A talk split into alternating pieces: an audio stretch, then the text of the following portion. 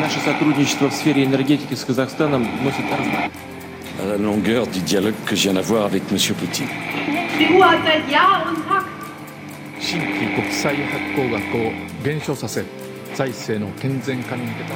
Símbolo del fascismo en Sudamérica.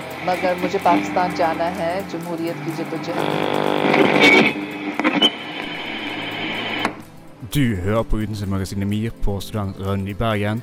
Og I dagens studio finner du Daniel Instebø, Amalie Henriksen og Kasper Varesand. Og i dag har vi aktualitetssending. Håvard Lie har snakket med Knut Viker om Norges forhold til Saudi-Arabia. Men før vi hører det innslaget, får vi ukens låt 'Blomst med ro deg ned'. Det, det er jo på vei utfor stupet. Det, det behøver du ikke være, være verken trollmann eller synsk eller astrofysiolog for å se. Uansett om det bærer utfor stupet eller ikke, gir utenriksmagasinet MIR deg utenrikssaker og astrofysiologi hver fredag fra 11 til 12 på Studentradioen i Bergen. Saudi-Arabia har nylig søkt om åtte nye bødler til sitt juridiske system. Og Håvard Lie har snakket med professor Knut Viker ved HR-fakultetet i Bergen om hvordan forholdet mellom Norge og Saudi-Arabia er, og hvordan det har vært, og hvordan det vil være hvis eh, Saudi-Arabia går videre med sine menneskerettighetsbrudd.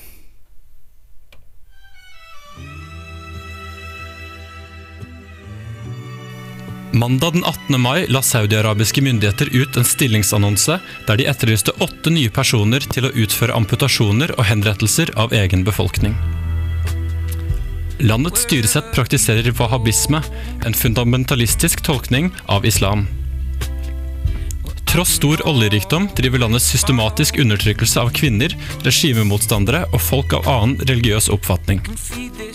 Den 9. januar ble bloggeren Raif Badawi dømt til 1000 piskeslag og 10 års fengsel for å ha fornærmet islam. Sammen med Iran og Kina topper Saudi-Arabia statistikken for antall dødsdømte. Hvordan kan Norge og andre vestlige land ha et så stort økonomisk samarbeid med et land med et så brutalt menneskesyn? Jeg spurte Knut Vikør, professor i historie ved Universitetet i Bergen, hvordan norske myndigheter kunne forsvare et samarbeid med Saudi-Arabia. Den viktigste grunnen til eh, at vi samarbeider med Saudi-Arabia, er jo åpenbart at eh, Saudi-Arabia er en av verdens største oljeeksportører, og at Norge er et av andre av verdens største oljeeksportører. Derfor så har vi åpenbart eh, behov for å ha eh, kontakt med det landet. Så det går utenpå de politiske eh, hensynene. Men samtidig så er jo Saudi-Arabia og Norge begge alliert med, med USA, står nær USA, i, også i Midtøsten. Der vi ser i den nåværende kampanjen mot IS, som, der Norge deltar i en koalisjon i Syria og Irak med USA og mange andre land, og der skal Saudi-Arabia ha sendt inn en viktig komponent. Til Aftenposten kunne statssekretær Bård Glad Pedersen fortelle at et økt samarbeid med Saudi-Arabia også ga Norge større rom for å kritisere regimet. Jeg ville vite hvor reell denne påvirkningsmuligheten er. Direkte påvirkning har vi åpenbart ikke. De Saudi-Arabia bryr seg svært lite om hva andre land mener om eh, situasjonen inne i landet. Eh, de har et system, og de vil holde på det. Men på den andre sida er det jo en, en realitet i dette, naturligvis, at eh, det at Saudi-Arabia deltar i si, den vestlige verdens på ved å reise dit, og spesielt at studenter oppholder seg i andre vestlige land osv., har helt klart en betydning for uh, syns, at synspunkter blir gjort gjeldende i, inne i Saudi-Arabia. Altså de kreftene som vi ser som ønsker en reform internt i Saudi-Arabia. Der er jo ofte studenter som har studert i USA eller i andre vestlige land, og i prinsippet også i like gjerne Norge, vi hadde hatt noen, har det vært viktige elementer. Så det er et poeng i det på lengre sikt, men, men ikke på kort sikt.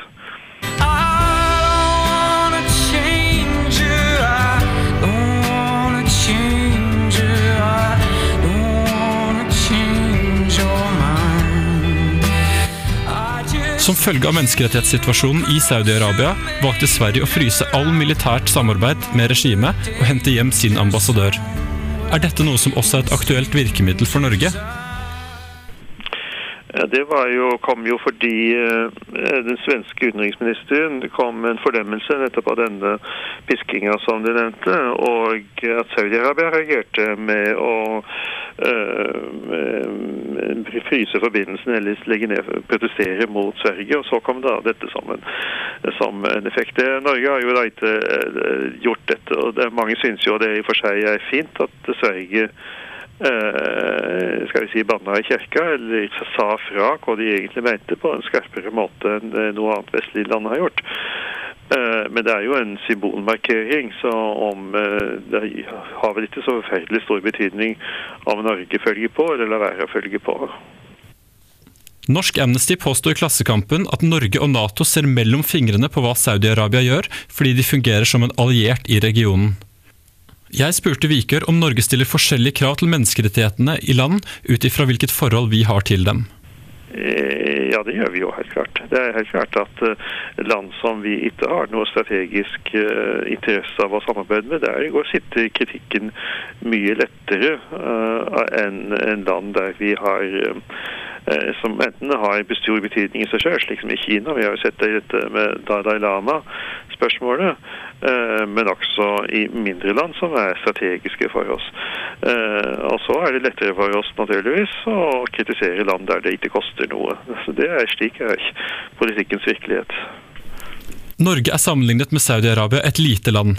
Men finnes det arenaer der vi har mulighet til å påvirke og forbedre menneskerettighetssituasjonen i Saudi-Arabia? Eh, Det er jo viktig naturligvis at Norge fortsetter, og som andre vestlige land, da, eh, det er jo som en del av den vestlige verden, at vi fortsetter å markere at dette faktisk er praksiser som vi ikke aksepterer, og at vi, vi protesterer. Eh, og slik sett så skal en jo eh, ikke holde kjeft. Eh, Men eh, en skal bare ha altfor store forhåpninger om at det blir på kortsiktig gevinst av å protestere. Eh, Men på lang sikt så er det jo klart at nettopp det jeg nevnte med at saudi-arabere får større kontaktflate med andre måter å tenke på. Og skal vi si, innflytelse via internett, via medier osv.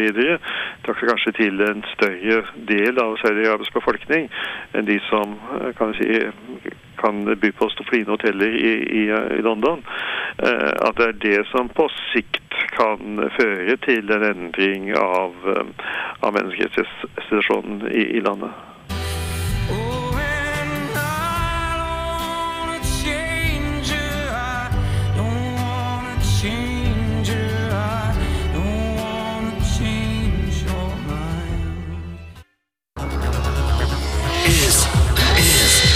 Is, no good. Erdogan. Is, is, is no good. Putin.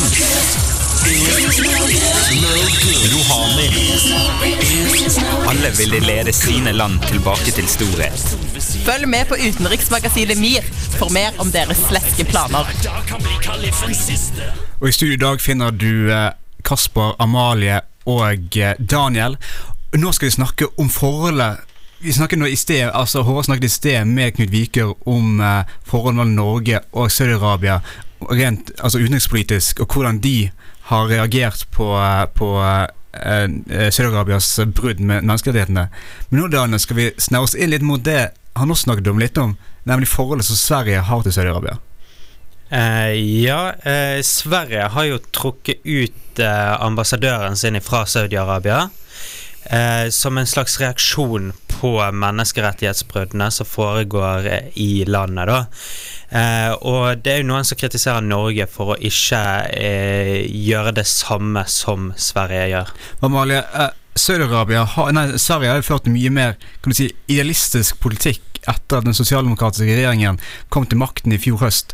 Blant annet så har de anerkjent både Palestina, og de har kritisert ganske kraftig det Saudi-Arabia har gjort i forhold til menneskerettighetene, nemlig det Håre Håvard snakket om i sted, nemlig pisking av en eh, forfatter.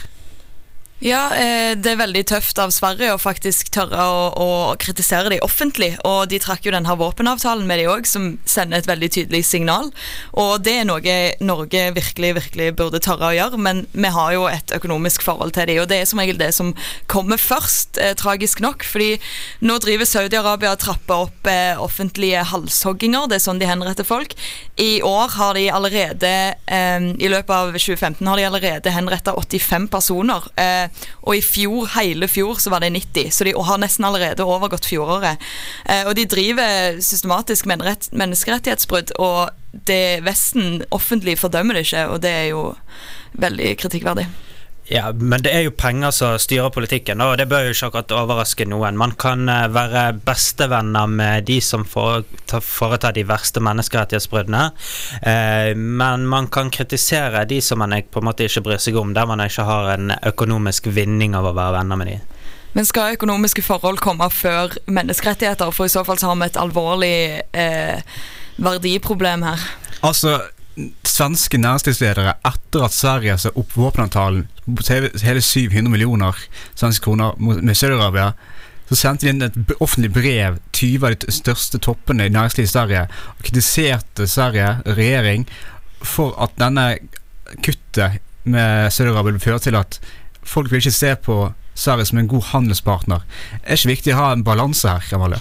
Så klart det er veldig viktig å ha et bra økonomisk forhold med forskjellige land. Det er sånn verdens, altså Vi har et verdensmarked, og sånn det fungerer. Um, det er jo sånn du driver en stat, men allikevel, hvis vi skal uh, handle med land som driver systematisk menneskerettighetsbrudd, så det, det, er noe Altså, skal menneskerettigheter komme før det økonomiske, eller omvendt? Det er jo ekstremt hyklerisk eh, at vi sitter her og, og snakker om menneskeverd når vi fortsetter å samarbeide med land som gjør det totalt motsatte. Børge Brende var jo tidligere medlem av Tibet-komiteen i, i, Norge. og han, Da han ble utenriksminister, så måtte han fortsatt føre den linjen som den tidligere regjeringen hadde ført opp mot Kina. Der vi først ga, eh, ga fredsprisen til en kinesisk dissident, men etter det så kuttet Kina alle bånd til Norge, Daniel. Ja, og de eh, konsekvensene har jo blitt mye større enn det man egentlig så for seg på forhånd. Man hevder jo det at uh, Nobelkomiteen er uavhengig, men uh, utenlandske eh, Altså andre stater de ser ikke sånn på det. De ser det at det er et veldig tett bånd mellom Nobelkomiteen f.eks. og den norske staten. Og det har jo gått veldig hardt utover Norge, annet, at, at Kina har kuttet alle bånd. Altså, hvor ligger balansen, Amalie? Nei, eh, jeg tenker hvis, hvis, de forskjellige vestlige landene da hadde gått litt mer sammen, eh, at ikke Sverige må gjøre dette alene, f.eks. For, eksempel. for jeg, jeg, vil tro det går hardere utover Norge hvis vi er de eneste som tør å, å åpent kritisere Saudi-Arabia. Men hvis, eh, hvis, folk slår seg sammen og faktisk legger litt press på dem, så kan det være at de òg kommer til å tape såpass mye at de endrer seg. Men Daniel, er isolasjon av et land en god ting, egentlig? Det er et veldig godt spørsmål. Eh, hva, vil, hva, legger du i det? Eh, altså Både kulturelt, og religiøst og økonomisk, slik Sverige på mange måter går inn for hvis de da vil kutte flere og flere økonomiske bånd med Saudi-Arabia. Jeg mener det at eh, man kanskje får mer ut av å knytte sterkere bånd til stater. Eh, påvirke de mer kulturelt gjennom eh, diplomati eh, enn å eventuelt kutte all kontakt. men det er et veldig interessant spørsmål. Altså altså, Selve diskusjonen vil gå videre. Men du ser da at regjeringer skifter posisjon. Altså En opposisjon den ene dagen kommer i posisjon den neste dagen. Vil da føre en litt annerledes politikk. Slik flere har gjort nå tidligere. Flere som var i regjering, forrige regjering, har nå gått inn for politikk der de vil ha mer støtte støtte av eh, dissidenter i Kina. Eh, nå får vi en eh, uken, ikke ukens låt, men vi får Dolly Parton med Jolene her på Studentradioen i Bergen. But I want to say one thing to the American people. I did not have sexual relations with that woman, Miss Lewinsky. I never told anybody to lie, not a single time, never. Sannheten kommer alltid for en dag i utenriksmagasinet MIR. I studio i dag finner du Kasper, Amalie og Daniel. Og nå skal vi over til dette. This is a global Cal-Link prepaid call from Adnan Sayed. an inmate at a Maryland correctional facility. From This American Life and WBEZ Chicago, it's Serial. One story told week by week. I'm Sarah Koenig. Daniel, hva var vi hørte nettopp her? Dette er vel introduksjonen til en eh, dokumentarpodkast som heter Serial. Det handler om eh, drapet på en 18 år gammel dame i 1999. Eh, hun ble sist sett 13. januar, og så ble kroppen hennes funnet den 9. februar, altså et par uker etterpå. Og ekskjæresten hennes, Adnan Sayed, ble siktet for drapet den 28. februar, men under særs svake bevis. Hva, hva, hva betyr særs svake bevis her, Daniel? Det er vel hovedsakelig bare et vitneutsagn. Det er ingenting konkret som eh, knytter han til åstedet, men eh, de bevisene som ble brukt i retten, det var bl.a. det at han hadde eh, brukt fritiden sin på å røyke cannabis. Han ble på en måte demonisert. Eh, han var minoritetsspråklig, han hadde pakistanske foreldre. Sånn at det var veldig mye tomme argumenter som ble brukt, og det var vitner som ikke ble kalt inn til vitneavhør i retten. Amalie, den profilen av en tenkt drapsmann, er ikke det ganske har ikke, vært, har ikke det gått igjen ganske mye i eh, USA de siste årene? Jo, det har jo vært eh, opptøyer, eh, bl.a. Ferguson-drapet, der det har vært eh, mørkhuda ungdommer og eh, mørkhuda mennesker som har blitt eh, skutt av eh, politi og av hvite, da. Der, eh, der de har blitt frikjent for, fordi det har ikke vært eh, nok bevis. Eh, eller så har det vært eh, eh, mennesker med, av annen opprinnelse som har blitt dømt på veldig få bevis. Så ja, det er, det er veldig dårlig grunnlag, og det skaper veldig mye frustrasjon. og spesielt kan det knyttes til rasisme. Ja, jeg tror det at folk krever svar nå. Sant? Jeg tror at I tråd med den teknologiske utviklingen så ser man det at det er mange flere situasjoner som blir filmet nå med mobilkamera og sånn før, eh, enn det man var klar over tidligere. Jeg tror at dette er et problem som i tråd med den teknologiske utviklingen eh, man ser mer til. Eh, at vi hvite har kanskje ikke vært fullstendig klar over hvor mye mørke blir diskriminert i samfunnet, egentlig. Fordi Hvis du ser litt tidligere gammel historie her, Daniel, så ser du også at flere politikere de siste 30 årene har ført en politikk der de krever en mye større og effektiv kriminalomsorg. Hvor stor har egentlig fengselsindustrien blitt i eh, USA? Fengselsindustrien i USA har blitt veldig mye større. I, på 80-tallet så eh, var det, når man da lanserte dette War on Drugs, som Richard Nixon eh, lanserte da, I USA så skal man være så tough on crime, sier man. Og, eh, sånn at det var en stor etterspørsel etter fengselsplasser, så man har faktisk klart å skape en privat fengselsindustri. Fordi at eh, staten ikke har, eh, eller nasjonen ikke har klart å holde tritt med etterspørselen. Ehm, så eh, det er jo nå eh, mange flere som er fengslet i USA eh, enn i noe annet land i hele verden. Eh, USA består av 5% av verdens befolkning, eller noe sånt, men de har 25% av verdens fengselsbefolkning. Det er helt syke tall. Men Amalie, denne podkastserien ble hørt av 68, over 68 millioner mennesker. Eller lastet ned 68 millioner ganger. Har det ført til mer bevissthet om hvordan det amerikanske fengselssystemet fungerer? Ja, Det er jeg veldig sikker på. Eh, det har jo vært veldig mye reaksjoner nå de siste årene, fra 2012 vel, eh, spesielt. Eh, og folk reagerer mer, folk følger mer med. Det har jo vært mer fokus på å prøve å filme ting når det skjer. Det har jo vært en mobilvideo nå nettopp òg som ble lagt ut av en politi som skyter en, en ubevæpna mann. Eh, og jeg tror folk reagerer mer nå, folk legger litt mer merke til det, og at den podkasten og sånne ting som det kan være veldig viktig for å få fram eh, budskapet over hvorfor USA faktisk har så ekstremt eh, høye tall i sine fengsel, eh, om det kanskje har noe med at folk blir dømt eh, på grunnlag av ekstremt svake bevis. Ja, det er jeg faktisk helt enig med deg. Det var veldig godt poeng av deg. Eh, men jeg tror det at eh, det er en tidslinje her, sant? der man har bl.a. den eh, i 1999, som den podkastserien fokuserer på, som er veldig tidsriktig nå. Eh, og så har man sett en forskjellsbehandling over lengre tid. Eh, stikkord her er eh, George Zimmerman, som ble frikjent for drapet på Trayvon Martin. Eh, der Trayvon Martin er en mørk mann, og George Zimmerman krevde nødrett, da, selv om han var en vakt i nabolaget som var bevæpnet og gikk etter Trayvon Martin. Eh, og eh, Fox News og andre nyhetskilder De demoniserte jo Trayvon Martin litt grann, med at eh, å, han har også røykt cannabis, sant? og han er en black thug og, og sånn. Og, eh, så ble det heller ikke rettet sak mot Darren Wilson, som du var inne på i Ferguson, og, som drepte Michael Brown. Og Michael Brown som også ble demonisert som følge av at han nettopp da hadde eh, foregått butikktyveri. Det er ikke mye lettere å gjøre det på det grunnlaget at selv om du er hvit, svart eller hispanic, er det ikke mye lettere da bare å si siden du er fattig? Er ikke det veldig, altså du er veldig offerposisjon der, uansett? Eh, jo, og det er jo en veldig stor kamp mot fattige i USA også, føler jeg. da. Det er veldig mye som er på en måte kampen mot fattige, der man i USA ikke har lyst til å så um, utvide støtten til food stamps, så man får ikke eh, trygd osv., og, så og eh, der man må betale for høyere utdanning. Og eh, USA er jo et land der man, man hater eh, selve konseptet med at man skal skattlegge de rike osv. Selve podkastserien har ført nå til at uh, rettssaken og uh, saken til Adnan Sayid er tatt opp igjen, og den vil komme i gang i løpet av sommeren.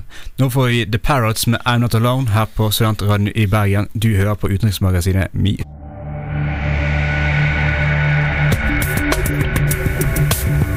Utenriksmagasinet MIR i skyggen av For fire år siden hadde vi den arabiske vår som spredde seg fra Tunisia videre til Egypt og andre arabiske land. Nylig ble Amalie eh, Mohammed Morsi dømt til døden. Og hvem er egentlig denne Mohammed Morsi? Eh, han ble valgt eh, demokratisk eh, som president i Egypt etter et opprør i 2011, eh, der folk krevde demokrati, demokratisk valg.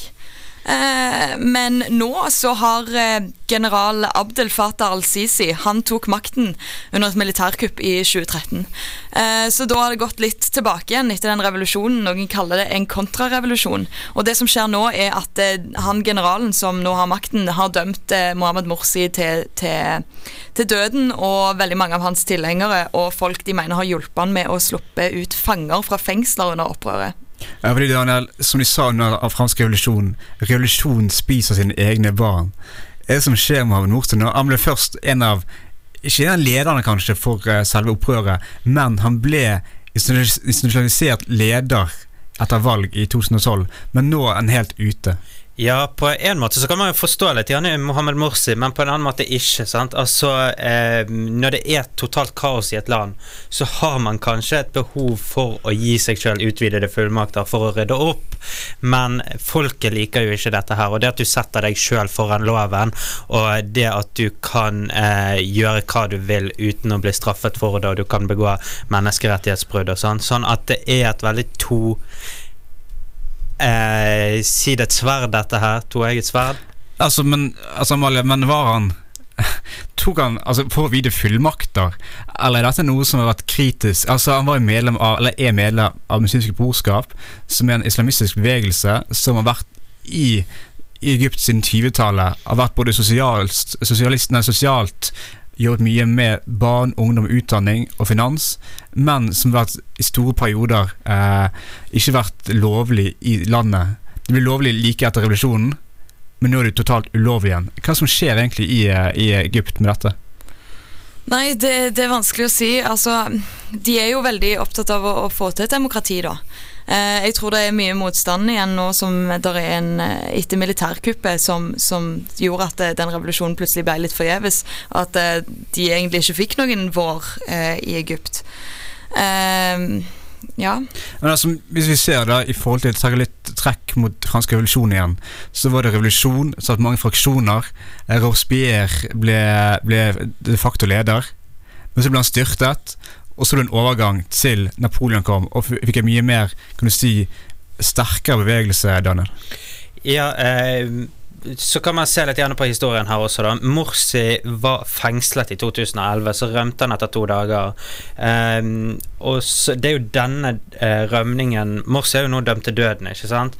Så det er denne rømningen han er nå dømt til døden for, i tillegg til mange menneskerettighetsbrudd. Uh, Men er de bruddene er de, er, de, er de virkelig brudd?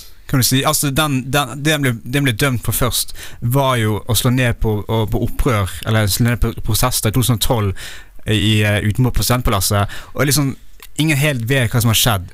Er han ansvarlig for dette? Ja, Det er heldigvis et spørsmål som noen som er mye mer kompetent enn det jeg skal svare på. Eh, Det er veldig vanskelig, det er et veldig godt spørsmål det du stiller der. Eh, Men eh, Morsi var jo relativt populær, da. Eh, Men når han ga seg sjøl ubegrenset makt, så så befolkningen eh, på dette som et skritt tilbake til tiden under Hosni Mubarak. Men altså det, Malia, altså han ga seg kanskje for vide fullmakter. Har det noe å si i forhold til kanskje at muslimsk brorskap ikke var vant til å være i posisjon? De har vært i posisjon så lenge at de ikke greide å fungere med andre fraksjoner og partier.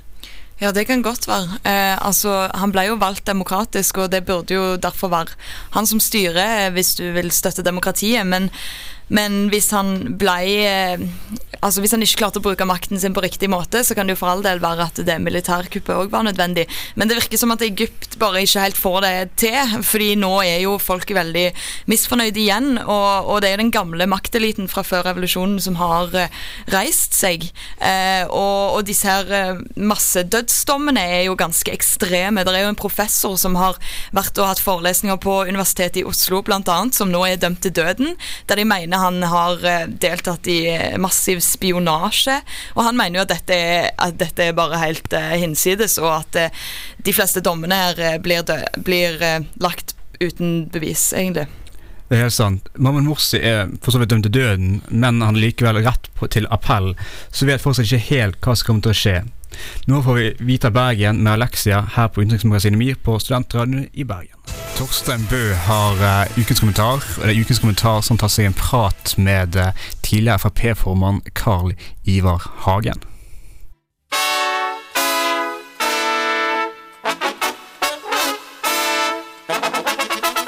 Hei, velkommen og god dag. For en gangs skyld her i Umir skal vi ta en titt innenriks.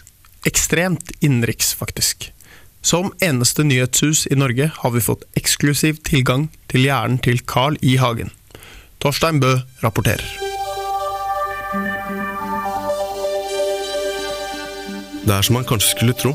Blant hjernefoldene av det som ser ut som gråhvit plastelina, pulserer psykedeliske mønstre og sterke farger rundt meg, og alt beveger seg inn, ut og frem og tilbake. Jeg befinner meg i frontalloben, området som blant annet inneholder bevisste tanker, og jeg kan se dem fyke rundt meg som bitte små elektriske støt som farer rundt i vegger, tak og gulv. Er vi stille nok, så kan vi så vidt høre dem.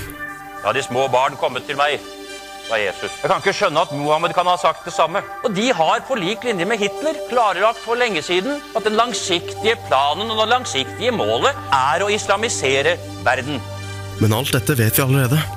For å finne ut mer om denne legenden, denne bautaen i norsk høyrepolitikk, må jeg trenge dypere inn i materien. Jeg må finne den formative perioden i Carl sitt liv. Jeg beveger meg dypere ned i hjernen. Jeg beveger meg inn i temporalloben. Mer spesifikt den delen av hjernen som tar seg av hukommelse.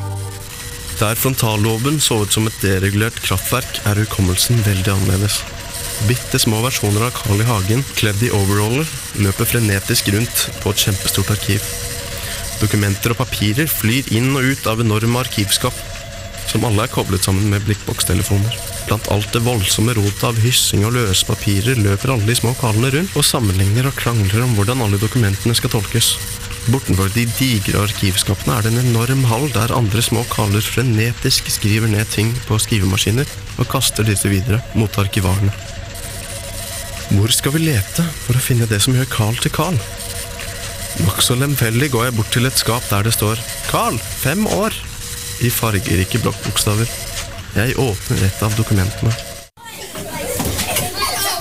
Har du ikke noe lyst til å dele, Carl? Nei! Alle barn må lære seg å dele. Nei, jeg vil ikke!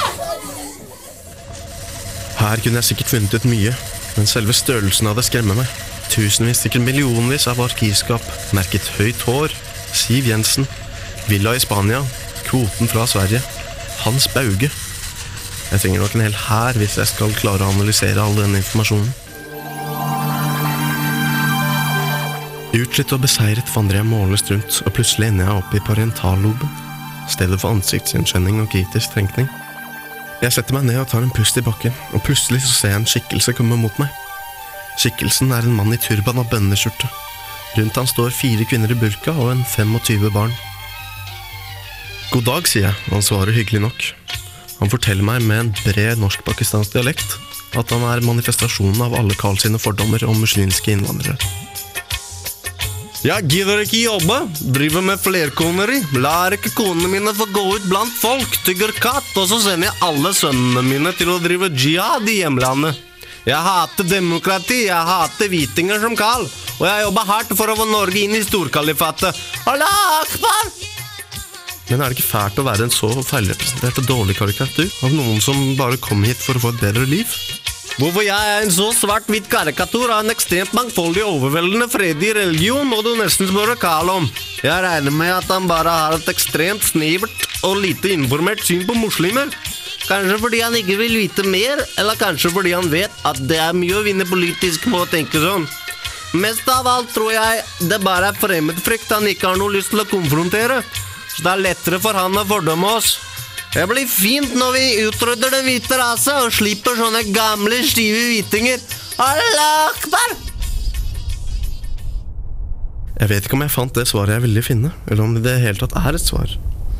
Kanskje vil man aldri finne ut hva som får Carl til å tikke.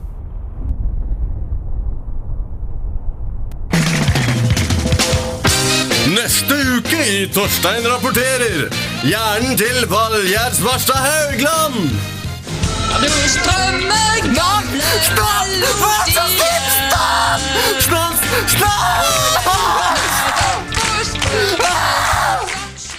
Her fikk vi Loreen med Euphoria her på Studentradioen i Bergen. Du hører på Utenriksmagasinet MIR, og i studio finner du Daniel Kasper og Amalie.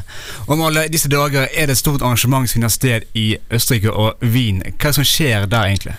Er Eurovision Song Contest. Eh, det er jo veldig gøy. Eh, er, er, det bare, er det bare gøy? Ja, det er det som er litt interessant her. Det er jo en musikkonkurranse. Det skal jo være underholdning, det skal jo bare være for gøy. Det er jo en egen musikksjanger.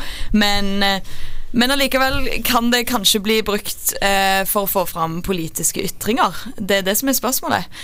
Eh, vi kan jo f.eks. se på eh, eh, buingen av Russland, som foregikk i, i fjor. Eh, når de opptrådde. Eh, og så er det jo forskjellige land der som er uvenner. Da stemmer de ikke på hverandre. Så har det vist seg at f.eks. de balkanske landene stemmer på hverandre, og vi stemmer jo ofte på våre naboland. Og liksom at du stemmer på vennene dine og ikke fiendene til landet ditt. Men, men er det bare sånn her eh, vennskapelig eh, fiendskap, eller eh, ligger det noe dypere her? Jeg eh, er ikke helt sikker. Kanskje dette her med rivaliseringen og sånt er litt gjerne medieskapt. Men man har jo, kan jo trekke litt gjerne paralleller til idrettsbanen også, kan man ikke det med eh, landskampen mellom Norge og Russland? Der det var en Brann-supporter, Gjert Moldestad, som ønsket å ta med regnbueflagg på fotballkamp mellom Norge og Russland, men NFF sa nei, og har blitt kritisert for det i ettertid. Men- Veldig spennende. Altså, på så vidt, men skal NRF være en politisk organ? Det var veldig, veldig mange som kritiserte NFF for det. Eh, og jeg eh, synes ikke at NFF skal blande seg Altså, NFF skal ikke blande seg inn i å begrense ytringsfriheten vi har i Norge. En ting var hvis Norge spilte på bortebane i Russland, og så kan man si pass litt på de der regnbueflaggene, sånn at dere ikke havner i fengsel i, borte i Russland. Men eh, man kan ikke begrense ytringsfriheten i Norge. Nei, men altså, alt er politikk. Det er det som er problemet her. Eh, Du kan ikke bare skille musikkonkurranse og et idrettsarrangement fra eh, resten av verden og politisk sett, da. Fordi alt er politikk. Du kommer alltid til å, å finne noe politisk med noe. Alle har en mening om alt. Eh, så når det først Europa samles under et musikkarrangement som Eurovision, der så å si alle europeiske land er med, pluss, pluss, så kommer det uansett til å være folk som prøver å påvirke det, det som skjer politisk sett da, i, i, på dette kontinentet med hjelp av disse arrangementene. Det er jo en fantastisk mulighet for å få oppmerksomhet. Ja, det er veldig interessant det du sier der. For eh, du sier at alt er politikk. Sånn at hvis man eh, har et musikkarrangement som f.eks. bare er for Vest-Europa, så er det en politisk ytre, eh, ytring. Men hvis man da inkluderer også de østeuropeiske landene, og de man eh, kanskje kan kritisere enkelt, eh, for enkelte ting, så er det også politikk. Så uansett hvordan man vrir og vender på det, så er det politikk. For Mali, En ting som kan si, tilsi at Eurovision ikke er politisk, er det at eh, Hviterussland nå vært med for åttende gang. De gikk riktignok ikke til finalen, men er ikke dette et tegn på at vi holder politikken utenfor? Dette skal være vennskap? Jo, det er jo det de, de som styrer Eurovision, de mener jo det. At eh, politikk har ingenting der å gjøre. Men det, det kan de ikke forvente. altså At folk ikke skal reagere når f.eks. diktatur, som Hviterussland er, får lov å delta. De har deltatt åtte ganger nå. Eh, og når Russland, som, som driver på som de gjør, òg får delta. Folk kommer til å reagere. Og folk kommer til å, å vise sine meninger eh, mot disse landene. Det er ingenting de kan gjøre med det, fordi det er en en samling der alle er, og der det er ekstremt nyttig å, å prøve å få fram eh, sine meninger. Men Daniel, selv om det er fiendskap både på idrettsbanen og i en konserthall, så er ikke det bra med forbrødring mellom nasjoner uansett? Jo, jeg tror at eh, man nå på lørdag kommer til å legge fiendeskapet litt på siden, og så kan man konsentrere om å kose seg og, og vise identitet og hva man er stolt over. Og eh, jeg ser frem til lørdag, jeg. For Identitet er viktig, Amalie. Fordi Tidligere, to år siden hadde du russ, russiske babusjkaene. Du har hatt eh, norsk felespill. Det er en ganske god måte å liksom å spre hva som er definerende med landet sitt. Ja, det er jo kultur. Det er jo derfor det er sikkert det er så populært. Det er jo veldig kjekt å, å se de forskjellige landene presentere sitt eget bidrag som de har lagd sjøl, der de kan vise deres kultur og, og fremme deres syn sånn sett. Eh, og jeg syns bl.a. det er skikkelig spennende med hun Conchita, som nå er, har eh, hosta kan du si, Eurovision-delfinaler og sånn, eh, som vant i fjor. Og det er jo ei dame med skjegg, eh, en transseksuell person. Og det òg er jo veldig tydelig at når, når, hun vinner, og når hun får veldig mye oppmerksomhet på den måten, så er jo det òg en kamp for transseksuelle. Og det foregår jo under Eurovision, fordi det er uansett Det kommer alltid til å være en politisk arena. Ok, Men uh, det, den diskusjonen der er liksom Vil gå hvert år. Så det kan være at i år selv om Russland er i finalen, så kanskje det er tegn også på at tilbake i folden, hva skjer? Nå skal vi høre Rosenberg Radio med 'Moments to the Top' her på Studentradioen i Bergen. Rosenberg Radio med 'Moments to the Top' her på Studentradioen i Bergen. Den siste timen så har du hørt på utenriksmagasinet MIR. Og Amalie, hva har vi snakket om? Eh, vi har snakka om eh, Saudi-Arabia, eh, vårt forhold til de, eh, og deres brudd på menneskerettighetene. Vi har snakket om eh, Eurovision, om det kanskje brukes som politisk, eh, en måte å få fram politiske syn. Eh, Egypt, hvordan situasjonen er der nå, der det òg er masse dødsdommer. Og vi har snakket om Serial, en podkast om, om, det amerikanske rettssystemet. Og Håvard har snakket med Knut Vikør, fra, han er professor på UiB. Eh, Torstein Bø, eh, Vi må takke Torstein Bø som har laget kommentar eh, denne uken. Du kan følge utenriksmagasinet MIR på Facebook, Twitter og Instagram. Og denne sendingen er også tilgjengelig som podkast på srib.no. I studio har Kasper Wessel med Daniel og Amalie. Daniel Katten Johannessen har vært produsent. Takk for i dag. Nå får du Hiho Mustachio Wasting You her på Student Rønne Bergen. Vi er tilbake om en uke.